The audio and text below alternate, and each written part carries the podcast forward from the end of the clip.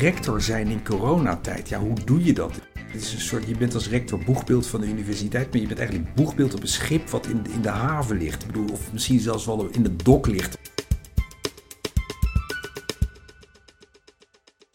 Karel Stolken neemt op 8 februari afscheid als rector van de Universiteit Leiden. Vandaag spreken we met hem over de mooiste en lastigste momenten uit zijn carrière en hij vertelt wat zijn belangrijkste lessen waren. Ik ben Marijn van Nuland en je luistert naar Enkeltje Wetenschap, de podcast van de Universiteit Leiden. Nou, uh, Karel, uh, hartstikke welkom. Fijn dat je er bent en dat je in Enkeltje Wetenschap wil uh, optreden vlak voor je vertrek als rector. Heel graag. Over precies een maand neem je afscheid tijdens de Dies Natalis. En ik ben natuurlijk benieuwd met welk gevoel vertrek je? Ja, een heel raar gevoel. Kijk, precies een jaar geleden, of eigenlijk bijna een jaar geleden, op 8 februari 2020, de Dies, ja, in een overvolle Pieterskerk, eh, realiseerde ik me natuurlijk een beetje, dit is de laatste normale Dies eh, voor mij. De, de, volgende keer ga ik het overdragen. Wat, wat heel fijn is, wat ik toen nog niet wist, is dat ik werd opgevolgd door Hester Bijl en door Annetje Otto, uh, nieuwe voorzitter. Um, en uh, samen met Martijn Ridderbos gaan zij het nieuwe, het nieuwe team voor, vormen. Ja, Um, met wat voor gevoel. Dit, dit had natuurlijk helemaal niemand kunnen, kunnen bedenken. En het is zo'n raar jaar dat ik denk dat het ook nog wel een jaar gaat duren. Misschien wat langer. Om, om echt ook voor jezelf een beeld te krijgen. in wat voor film ben ik nu toch terechtgekomen. Maar dat geldt natuurlijk voor iedereen over de hele wereld. Um, maar zeker ook voor mij. Dus ja, raar. Kijk, ik had een beetje gehoopt dat ik, ehm, dat ik de universiteit met een mooie strik eromheen zou kunnen doorgeven aan, aan, het, nieuwe, aan het nieuwe team. Ehm, je wilt zoveel mogelijk afmaken, je wilt zoveel mogelijk dingen, um, ja, angeltjes die nog her en der, er zit altijd in zo'n grote organisatie eruit halen. Dat heb ik ook wel geprobeerd, maar ja, dat was natuurlijk toch een stukje moeilijker met zo'n, met zo'n crisis uh, om je heen. Ja, en ja, dat laatste jaar was, was misschien wel het meest bizarre jaar dat je hebt meegemaakt als rector. Klopt dat? Ja, dat klopt. Het is wel zo dat zo'n eerste jaar als rector is ook wel bizar. Ik bedoel, je, je wordt ineens hoofd van zo'n, van zo'n universiteit. Um, je, je, je, leert al die wetenschappers kennen, je leert al die instituten kennen. Dus zo'n, dat eerste jaar was, was natuurlijk ook hectisch. En het tweede jaar was dat eigenlijk, eigenlijk ook, omdat je ja, je wilt, je wilt diep in die universiteit duiken. Je wilt in de haarvaten van de mensen proberen te komen. Dus in die zin is het, maar het is een ander soort hectiek, denk ik, toch, uh, toch geweest. Het was voor mij niet per se een drukker jaar, want ik verloor natuurlijk ook heel veel ja, verplichtingen die bij de rector horen. Ja, die, die zijn gewoon in het water gevallen. Dus ik kreeg ook op sommige punten in mijn agenda, zeker in het begin, ook wel, ook wel ruimte. Um, dus het was, ik, hectisch weet ik dus niet helemaal of dat het woord is. Um, misschien is het dat wel voor de docenten geweest en voor de onderzoekers en voor het crisisteam natuurlijk. Uh, dat, dat moet een hectisch, hectisch jaar zijn geweest. Voor mij viel dit ook wel weer een beetje mee. En ze zeggen wel eens dat je uitgerekend in tijden van crisis uh, het scherpst ziet wat er echt toe doet. Um, wat heeft deze crisis misschien voor, voor jou verhelderd uh, voor wat betreft de rol van de universiteit in de maatschappij? Ja, ik, dat is wel een leuk, is wel een leuk, leuk gezegd. Ik denk heel veel dingen neem je bijna als vanzelfsprekend aan. Uh, dus het, en ik denk het sociale contact is eigenlijk het. Uh, ja, dat is eigenlijk zo vanzelfsprekend uh, dat je daar helemaal niet over nadenkt. En door deze crisis, waarin we social distancing hebben moeten leren ehm, betrachten, is dat sociale contact eigenlijk op een totaal andere manier gegaan. Voor een belangrijk deel ook weg. Dus ik denk dat, ehm, dat ik dat, en dat zal, zal ik zeker ook niet de enige in zijn, dat ik dat het meest ook weer ben gaan zien, het belang van sociaal contact. Mijn vader zei vroeger altijd: het laatste wat een vis in de gaten heeft, is dat hij in water zwemt. Ik denk het laatste wat een mens in de gaten heeft, is dat hij, ehm, dat hij volstrekt afhankelijk is van, van, van fysieke, ehm, sociale contacten met, met mensen. En dat heb ik me denk ik meer dan ooit gerealiseerd. Het belang daarvan, zeker voor een universiteit.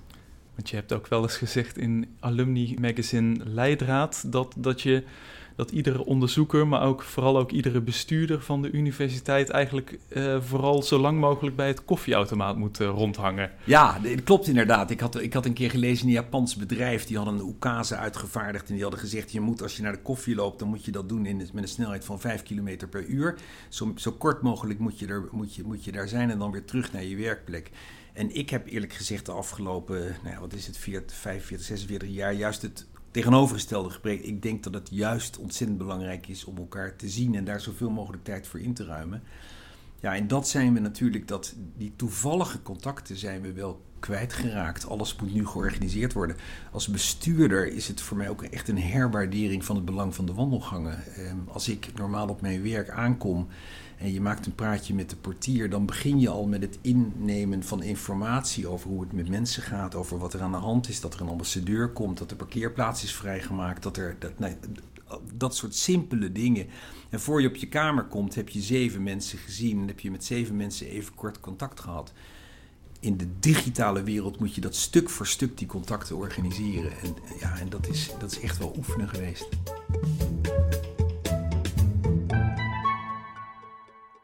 De coronacrisis drukte dus een, een, een stevig stempel op het uh, laatste jaar van, ja. uh, van het ja, rectoraat. Zeker. Maar uh, laten we ook eens even kijken, wat was nou echt een van de mooiste momenten misschien wel van de afgelopen acht jaar? Dus wat stak er met kop en schouders bovenuit? Ik denk, ehm, ik ben altijd wel sterk eh, georiënteerd geweest op die gemeenschap van studenten, wetenschappers, supportstaf, de OBP noemen we dat, dat is een beetje onaardig, ondersteunend en beheerspersoneel, van dat woord moeten we een keer af. Ehm, bestuurders natuurlijk, dus die, die, die gemeenschap, die community, ehm, dat is voor mij altijd wel een cruciaal ding geweest. Dus ik denk wat toch steeds twee of drie hoogtepunten in het jaar waren. Dat waren de opening van het academisch jaar, dat was de Dies. Ehm, en dat was ook Kleveringa 26 november natuurlijk, de, de bijeenkomsten die we, die we dan hebben. En al die bijeenkomsten door de, hele, door de hele wereld. Dat zijn voor mij altijd wel hele cruciale, hele cruciale momenten geweest. Als je nou zegt, wat waren nou hoogtepunten? Ja, dat was toch iedere keer die drie hoogtepunten in het jaar. Dat waren toch elke keer weer dingen waar ik enorm naar uitkeek omdat de gemeenschap bij elkaar kwam. Is dat, is dat Omdat de gemeenschap bij elkaar. Wat, wat, dat heb ik me van het begin af aan altijd die vraag gesteld. Wat maakt ons nou tot een. Waar horen, wij horen allemaal bij de Universiteit Leiden, maar waarom is dat eigenlijk zo? Wat verbindt nou de Assyrioloog aan de chemicus, de archeoloog en de psycholoog? Wat, wat is nou dat gezamenlijke? Waarom horen ze bij één universiteit? Is het alleen maar de gezamenlijke salarisadministratie die ons, die ons verbindt, of is het wat meer dan dat? Um, nou, en ik heb, zal je niet verbazen, als rector um, altijd het idee gehad, ja, het moet meer zijn dan, dan dat. En op zo'n dies, um, en bij die opening academisch jaar en bij Kleveringa, dan zag je dat. Dan, zag je als, dan kwam als het ware het DNA van de organisatie ook bloot te liggen. En dan zag je ook wat je gezamenlijk hebt. Ja, en wat, wat is dat DNA? Dus wat, wat verbindt uh, bijvoorbeeld de archeoloog met de sterrenkundige? is heel leuk. We hebben in het kader van ons nieuwe strategische plan, dat we nu even vooruit voor ons uit hebben geschoven, maar hebben we ook met onze decanen en met, met anderen hebben we heel diep nagedacht over wat, wat kenmerkt nou de universiteit eh, Leiden. En, en wat, eh, we hebben twee dingen hebben we tegen elkaar gezegd. Het ene is eh, die brede universiteit. Leiden is echt een hele brede universiteit. Dus we hebben talen en culturen en samenlevingen, kunsten. Maar we hebben ook het hele beta-palet. We hebben een waanzinnige eh, rechtbrede rechtenfaculteit. Leiden, sociale faculteit, ik hoef ze allemaal op te noemen. Maar Leiden is een brede, echt een klassieke brede universiteit. Dus dat is heel mooi waar al die wetenschappen bij elkaar komen. En het tweede wat diep in ons DNA zit, dat is dat presidium libertatis. Dat is die vrijheid te kunnen onderzoeken en te zeggen wat je, wat je wilt. Het debat aan te gaan met elkaar. En dat ook op een, op een hoffelijke manier te doen. Een beetje ouderwets woord, misschien hoffelijk, maar ik, ik hecht er wel aan. Want je kunt alleen maar met elkaar het debat voeren over de grote wetenschappelijke en maatschappelijke vragen. als je bereid bent om ook naar elkaar te luisteren en het met elkaar te doen. Dus het echte gesprek te voeren. En daar, nou, er is een zekere mate van hoffelijkheid, ehm, elkaar laten uitspreken, ook, ook nadenken over wat die ander zegt voordat je antwoordt, is daarvoor nodig. Nou, ik denk die twee, die twee elementen kwamen er heel duidelijk uit ons gezamenlijk beraad. Dat, dat kenmerkt toch wel heel sterk de Universiteit Leiden. En natuurlijk, dat zal ook wel voor een belangrijk deel voor andere universiteiten gelden, maar dit is toch wel heel sterk Leiden. Ja, En wat dan opvalt in, in je antwoord is dat je onder andere zegt een, een klassieke eh, brede universiteit. En daarnaast heb je het ook uh, hoeveel waarde je hecht aan hoffelijkheid. Hè? Ja. En dat heeft je misschien ook wel de afgelopen acht jaar gekenmerkt dat, uh, dat je duidelijk maakte dat tradities uh, belangrijk blijven binnen de universiteit, ook in, ook in het jaar 2021. Ja. Um, wat, uh, wat is de waarde van die tradities? Waarom, waarom hanteren we die nog altijd? Ja, dat is. Uh, je ziet dat overigens. Ik heb, me, ik heb me altijd veel verdiept ook in de, in, in, in de universiteiten in Europa en over de hele wereld. En je ziet eigenlijk overal die, die tradities. Um, dat je in toga, het cortège, um, de, de, de, alles rond de oratie, rond de promotie. Je ziet dat dat eigenlijk bijna overal terugkomt. Alleen in Duitsland hebben ze in de jaren 66, hebben ze dat, 19, 1968 hebben ze dat afgeschaft. Enorm veel spijt van. Maar je ziet het eigenlijk, dus het hoort ook een beetje bij de universiteit. Ik denk het hoort bij de universiteit, het hoort bij de kerk en het hoort bij het leger. Dat zijn eigenlijk de drie type organisaties waar die. En traditie komt van het Latijn traderen. Dat is overgeven of doorgeven. Dus een traditie is niet een doel in zichzelf. Maar een traditie is een instrument om waarden door te geven aan de nieuwe, aan de, aan de nieuwe generaties. Bijvoorbeeld dat Presidium Libertatis, bijvoorbeeld het streven naar excellentie. Dus tradities zijn, is, een, is een instrument om iets te bereiken. Zo moet je ze zien. En als je dat doet, um, ja, dan kun je er niet genoeg hebben. En wat is nou typisch zo'n traditie uh, die je de afgelopen acht jaar als rector, of misschien ook in, uh, in de periode daarvoor, extra bent gaan waarderen? Ik denk die um, misschien wel het cortège. Um, dus dat wij wandelen vanuit, um, vanuit van, van het Rapenburg, dus van het academiegebouw naar de Pieterskerk. Hè. Dat is, dus het academiegebouw staat voor de plek waar dat debat plaatsvindt, waar dat maar het onderwijs, het onderzoek plaatsvindt natuurlijk op heel veel andere plekken inmiddels. Maar daar is het ooit begonnen. Um, dus die, die, die, die, dat academiegebouw. En dan wandelen we naar de Pieterskerk, de plek waar we zijn opgericht. Uh, op 8 februari uh, 1575. Um, en in dat cortège zie je alle faculteiten. En ze wandelen, ze gaan ergens naartoe. Ze staan niet stil, ze, ze, ze, wandelen ergens naartoe. Ze wandelen naar de Pieterskerk.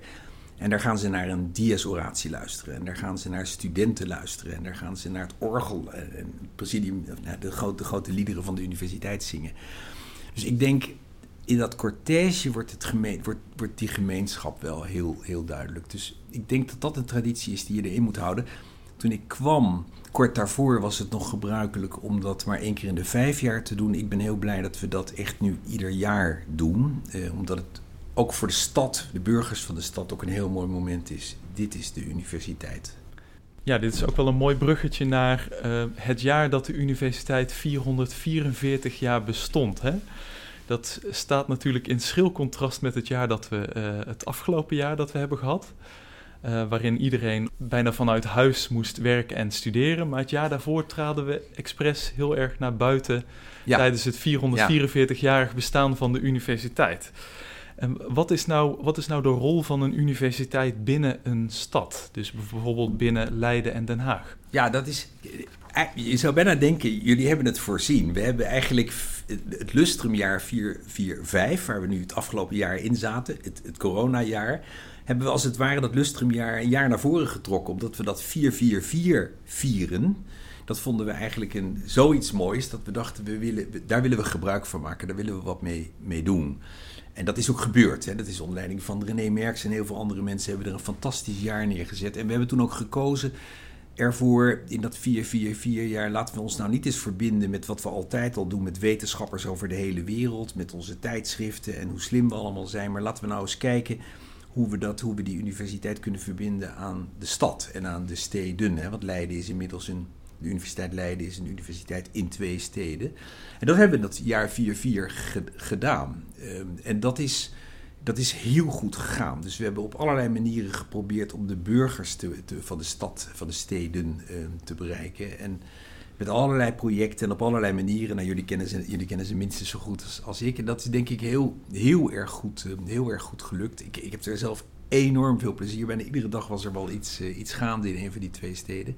Ja, bijna alsof we het van tevoren zagen aankomen dat we dat jaar naar voren hebben getrokken. Want dat had nu natuurlijk onmogelijk gekund. Ja, je zou er een complot in kunnen zien. Je zou er bijna, je zou er bijna kloppen. In deze tijd zou je bijna een complot kunnen zien. Het is ook een hele mooie, een hele mooie aanloop eigenlijk naar straks het jaar eh, 20, eh, 2022, als we European City of Science zijn. Eh, en dan is Leiden een soort wetenschappelijke hoofdstad van, van, van Europa.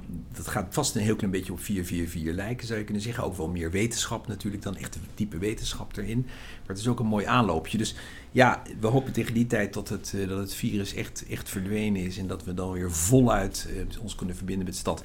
Dus misschien wordt op een gegeven moment wordt de coronacrisis wordt, uh, gesandwiched tussen twee prachtige jaren waarin de Universiteit Leiden heeft kunnen laten zien wat, uh, wat ze allemaal in zou, huis heeft. Het zou, als dat gebeurt, hebben we zo'n geluk gehad. Hebben we echt zo'n geluk gehad.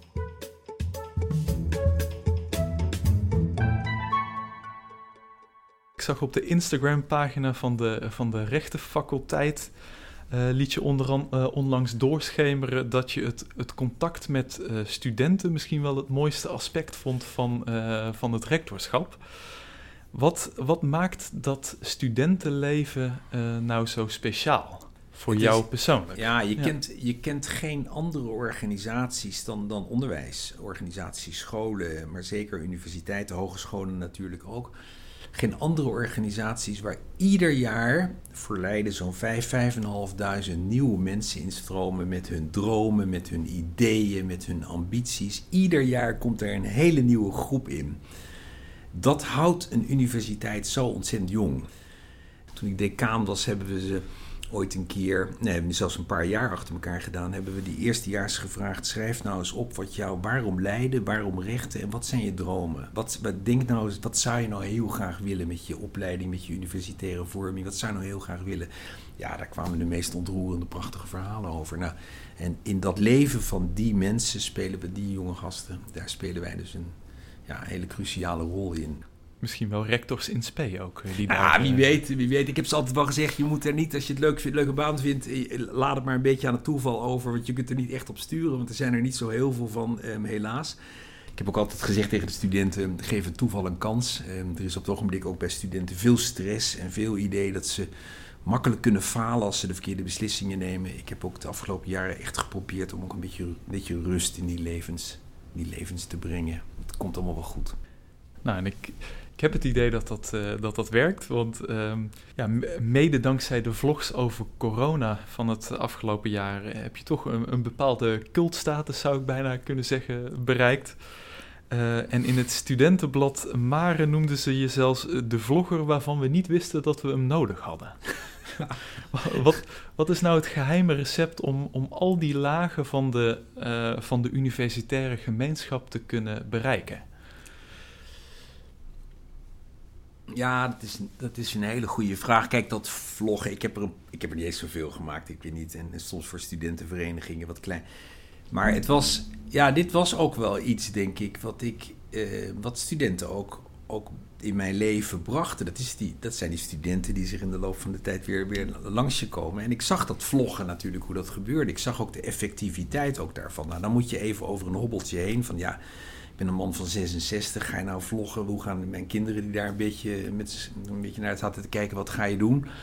dochters. Um, dus ik liet ze ook altijd wel eventjes aan hen zien om te kijken of dit een beetje, een beetje kon. Maar het was een, het was een, een, vorm die ik natuurlijk heb overgenomen eh, omdat, ik hem, omdat ik hem zag, omdat ik zag dat hij effectief was en omdat ik op dat moment ook niet zo heel goed wist wat ik anders zou moeten doen om die community van studenten en docenten en, en, en, en ondersteuners eh, te bereiken. Ja, hoe, rector zijn in coronatijd. Ja, hoe doe je dat? Het is een soort, je bent als rector boegbeeld van de universiteit, maar je bent eigenlijk boegbeeld op een schip wat in, in de haven ligt. Ik bedoel, of misschien zelfs wel in de dok ligt of zo. Je kan geen kant op. Dus je moet iets verzinnen waardoor je eh, laat zien: hé hey jongens, ik ben er nog. Die, die, die community is er nog. We zijn nog steeds die gemeenschap van, van toen. En het is even een ingewikkelde tijd. Maar we zijn er nog. Hallo? Nou, en daar heb ik toen die vlog, die vlog ja, die aantal vlogs heb ik daarvoor uh, gemaakt. Ja, en, dat, en dat, ja, dat dat goed uitpakt is helemaal leuk. Uh, er zullen ook wel mensen denken die uh, misschien anders over, weet ik niet. Maar ik vond het in ieder geval erg leuk om te doen. En eh, ja, als, als je opvolger Hester, Hester Bel toevallig naar deze podcast uh, luistert, wat is, nou de, wat is nou de gouden tip? Wat moet een, uh, wat moet een rector in ieder geval kunnen om, om het schip te kunnen leiden, zelfs als het in het dok ligt? Zelfs als het in het dok ligt, ja. Ik, ik, ik, denk niet dat ik Hester veel. Een natuurtalent.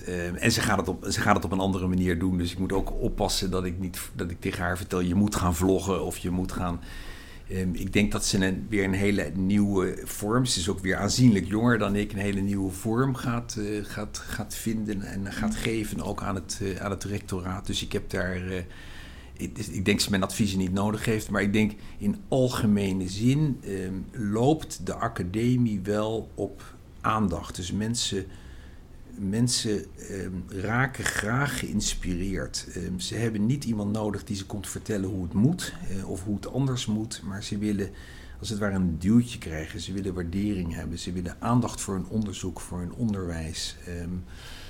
Ehm, dat heb ik de afgelopen jaren zelf al erg, erg ontdekt. Ik heb, ik heb in het begin ook gedacht, wat weet ik nou van, wat weet ik nou van, van de koloniale geschiedenis van Ceylon? Of wat weet ik nou van uh, de archeologie van, van de Caraïben?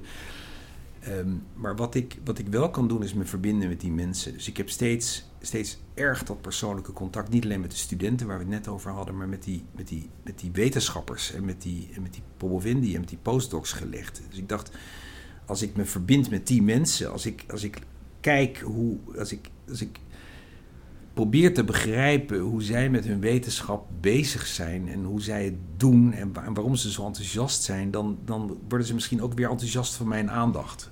Ik heb soms wel eens gedacht, als ik iedereen die ik zie in, zo'n, in die acht jaar um, ehm, 1% eh, meer inspiratie geeft dan ze al hadden, nou, dan heb je het ontzettend goed gedaan als rector. Ik heb genoteerd dat de, de rector een uh, brede interesse moet hebben en een goede sociale antenne laten we zeggen dat dat, dat, dat helpt. Ja.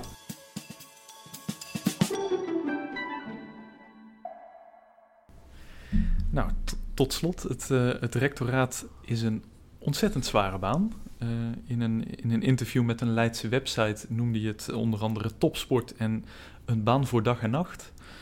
Ja. Um, ik kan me voorstellen dat je daar even van uh, bij moet komen, van zo'n baan. Ja. Wat, wat, zijn de plannen voor de komende tijd? Ja, nou, het wordt een beetje cold turkey, zou je kunnen zeggen. Want 8 februari ben ik nog volop in, de, in, in, in bedrijf. En, en 9, 9 eh, februari kan ik uitslapen. Dus het is, het is niet een soort glijvlucht, wat ik een beetje had voorgenomen voor corona. Een soort glijvlucht het uh, emeritaat in. Um, dus nee, ik heb mij heel sterk voorgenomen. Ik ga um, tot 1 september even niks aanpakken. Uh, er, komt, ja, er komt natuurlijk van alles langs. Eh, kun je hierbij helpen? Kun je dat doen? Kun je van binnen en buiten de universiteit? Maar ik ga even niks, niks aanpakken. Dus ik ga gewoon eens even kijken hoe het, hoe het is. Wat er dan met mij gebeurt. En ik heb mij... Ja, je denkt natuurlijk op zo'n punt, ik ben nu bijna 67, denk je na over, over eh, ook een beetje terugkijkend en vooruitblikkend. Ik heb me gerealiseerd dat mijn eerste 22 jaar dat waren vooral jaren van onderwijs krijgen. Daarna heb ik 22 jaar les gegeven, heel veel les gegeven, onderzoek gedaan. Ehm, daarna heb ik 22 jaar bestuurd in de rechtenfaculteit, vice-decaan, onderzoek, decaan, ehm, rector daarna. Ja, en nu gaat de volgende 22 jaar gaat van start. en die wil ik niet een soort van slap aftreksel laten zijn van het verleden, maar ik wil ook ja, die volgende 22 jaar ook de kans geven om ook weer iets nieuws te laten, te laten gebeuren. Uh, nou, en, daar, en daar wil ik naar op zoek. En dat wil ik de komende maanden dan, na 8 februari, wil ik dat gaan doen. En dan ga ik in september de balans opmaken en eens kijken, nou, wat past daar nou, wat past daar nou bij? Dus ik wil voorkomen, ik ga niet meer aan alle halmen. Zie ik wel eens een keer bij emeriti hoogleraren die echt iedere halm die ze te pakken kunnen krijgen, die grijpen ze om maar te voorkomen dat ze in dat zwarte gat wegglijden. Ehm, ik, ik keer bewust even, spring ik in dat zwarte gat om te kijken wat er gebeurt. Ehm, en dan hoop ik er in september weer uit te klimmen. Ja, en een carrière als vlogger, zit dat er misschien nog in?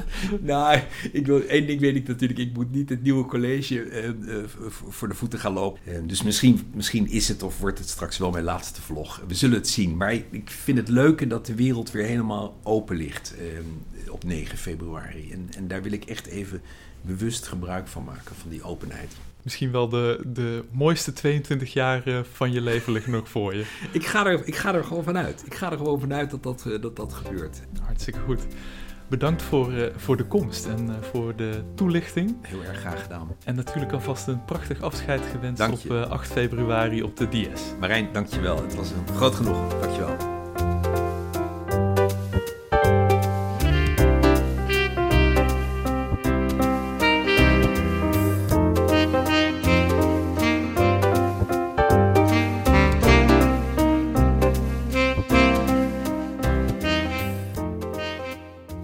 Dit was de vijftiende aflevering van Enkeltje Wetenschap. In de vorige 14 afleveringen ging ik in gesprek met jonge wetenschappers van de Universiteit Leiden. Deze afleveringen zijn nog terug te luisteren via verschillende podcast-apps, waaronder iTunes, Spotify en SoundCloud. Wil je altijd op de hoogte zijn van de eerstvolgende aflevering, dan kun je je natuurlijk ook abonneren.